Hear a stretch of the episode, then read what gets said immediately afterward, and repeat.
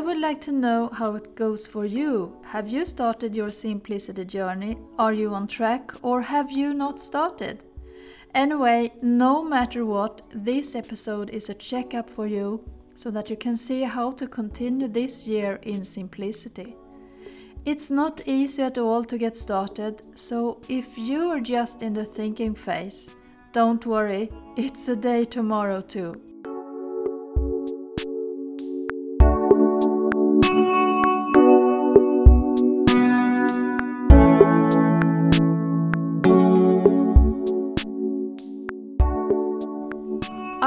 I'm Ylva Jansson, and my mission is to guide and help you into a simplified and joyful life.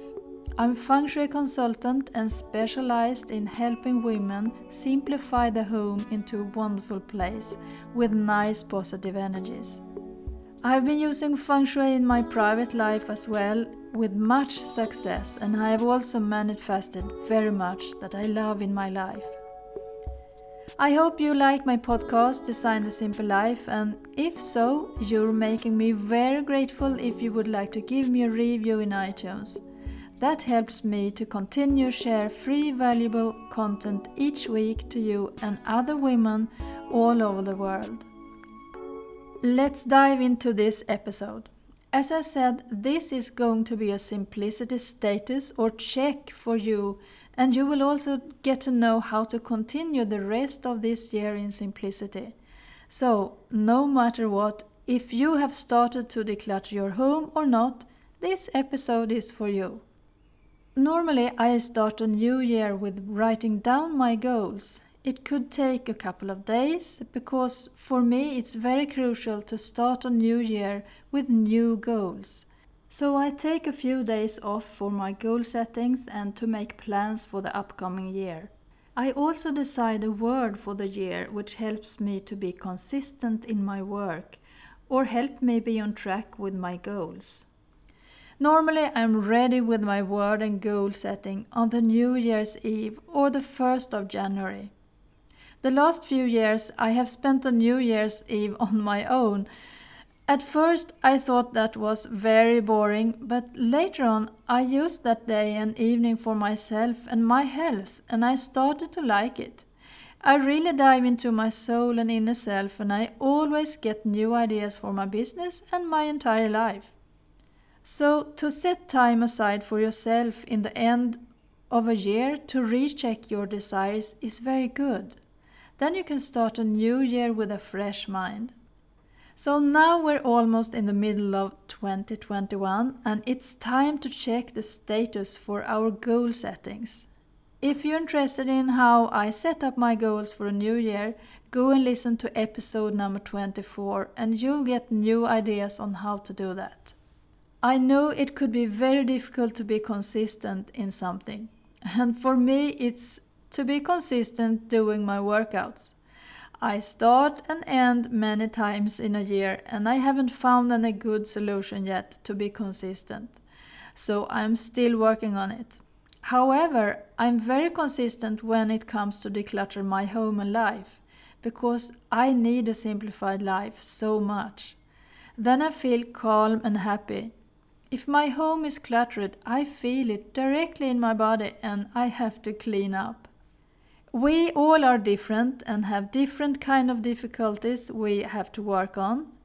I have been decluttered and simplified my home and life for so long now and I feel that this is not an issue for me anymore and I can assure you that you can also get there. I always look around in my home and see if there's something I can get rid of that I don't need anymore. Regarding the trash, I get rid of it daily to avoid stagnated energy and bad smell. And I use my bike for it. I use it everywhere because I sold my car a couple of months ago. And I like it very much because then I get both fresh air and some workouts. So you have to find what's a perfect routine for you I have talked about the trash before in my podcast, and if you don't want to have stagnated energy in your home and life, my advice to you is to get rid of your trash quickly. That will give you massive changes.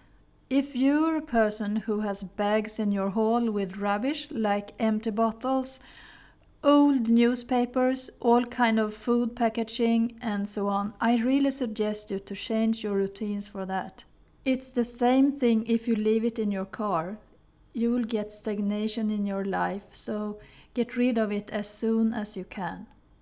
So, if you already have set your goals for this year, take a look and see if you have accomplished them or if you have to readjust something to achieve what you really want this year. Don't worry, you have plenty of time to readjust. We're just halfway in 2021 so far, and much can happen yet.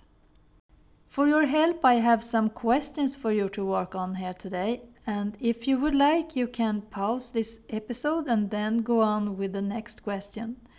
These questions are so valuable for you when you continue the rest of this year, so go and get a piece of paper and a pen. Here are the questions. Think about your life, how it is right now for you, and take your time to get these things down on your paper. Then you can go back afterwards and readjust if you want. It's always better to write things down than just have it in your head. Then it's easy to forget. Believe me. you will need your answer in December, so keep them in a safe place. Number one. What are you satisfied with in your life, and are there something you're not satisfied with? How can you, in that case, change that? What can you do right now so you become more happy with your life? It could be anything. Write it down and just let your pen flow like crazy. you will thank yourself afterwards when you have these answers when you look back at them in December. So don't hold back and start writing. What are you satisfied with and not satisfied with, and how can you change that? Number two, where are you in your simplifying journey? Have you started to declutter your home? If not, what holds you back? Is it your family or maybe you hold yourself back? Try to figure it out. We all have many different kind of fears and if you haven't listened to my latest episode number 39, I talk more about how to overcome fears. So if you want, go and listen to that episode and you might can get some new ideas. Number 3. What specific room in your home needs some kind attention? Do you have a special area in your home that is much cluttered? Write it down. Then take a few minutes to think about why it's so cluttered there. Can you change your habits about that area? Maybe you have a cluttered hall or cluttered working space or another space. Try to find out why it's cluttered and what you can do to get that area nice and clean. You know, a cluttered area gives you stagnated energy and you will feel it in your body. Number four. What goal do you have for your home? What's your dream home look like? Is it your current home or do you want to move elsewhere? Write down your thoughts about that and I'm sure you have much to write here. Do you want to paint your walls in a room or change furniture or how can you get your awesome home? That's only you who can answer that question. I also would like you to write down how you're going to achieve your dream home. What takes of you to get it? I think you can figure out what you have to do, right? Number 5. Which room in your home have you already decluttered and which room is the next? How are you going to start if you haven't started? Find your fears about it and listen to episode 39 as I said. I have also made several episodes about how to get started and how to do. So just take a look in the episode list and search for what you need for now. Maybe your wardrobe needs some love. I have also made many episodes about that too. Number 6. What kind of things do you want to accomplish in the next upcoming six months of 2021? Check your goals for 2021 if you have made any and see what goals you already have reached and what you have to work on. That's a very, very good task to work on because then you know if you're on track in your life or if there is something you have to do, change, or readjust. 7. Do you want to change your word you have chosen for this year? Maybe your word it's not relevant anymore for you. Then find a new one. Maybe your new word is simplicity or simplify. I don't know, but try to find the right word just for you. So, this is a different episode comparing with the other ones I have made, but I think it's a great idea to do a recheck in June. The good thing with a podcast is that you can listen to an episode how many times you want, and maybe this episode is like that. So go and do the work and then tell me how it goes for you. Send me an email at info at ylvamariadesign.se. I would love to hear from you. And I have also a gift for you today. I have made a calendar for June to December that you can download for free. You can use it like your simplicity calendar and make your own simplifying goals for the rest of this year. I hope that could help you stay on track in your decluttering and simplifying journey. And you will find the link in the show notes for this episode. If you like this episode, please give me some love and write your kind words in a review in iTunes. Thank you so much in advance for that. That was all for today.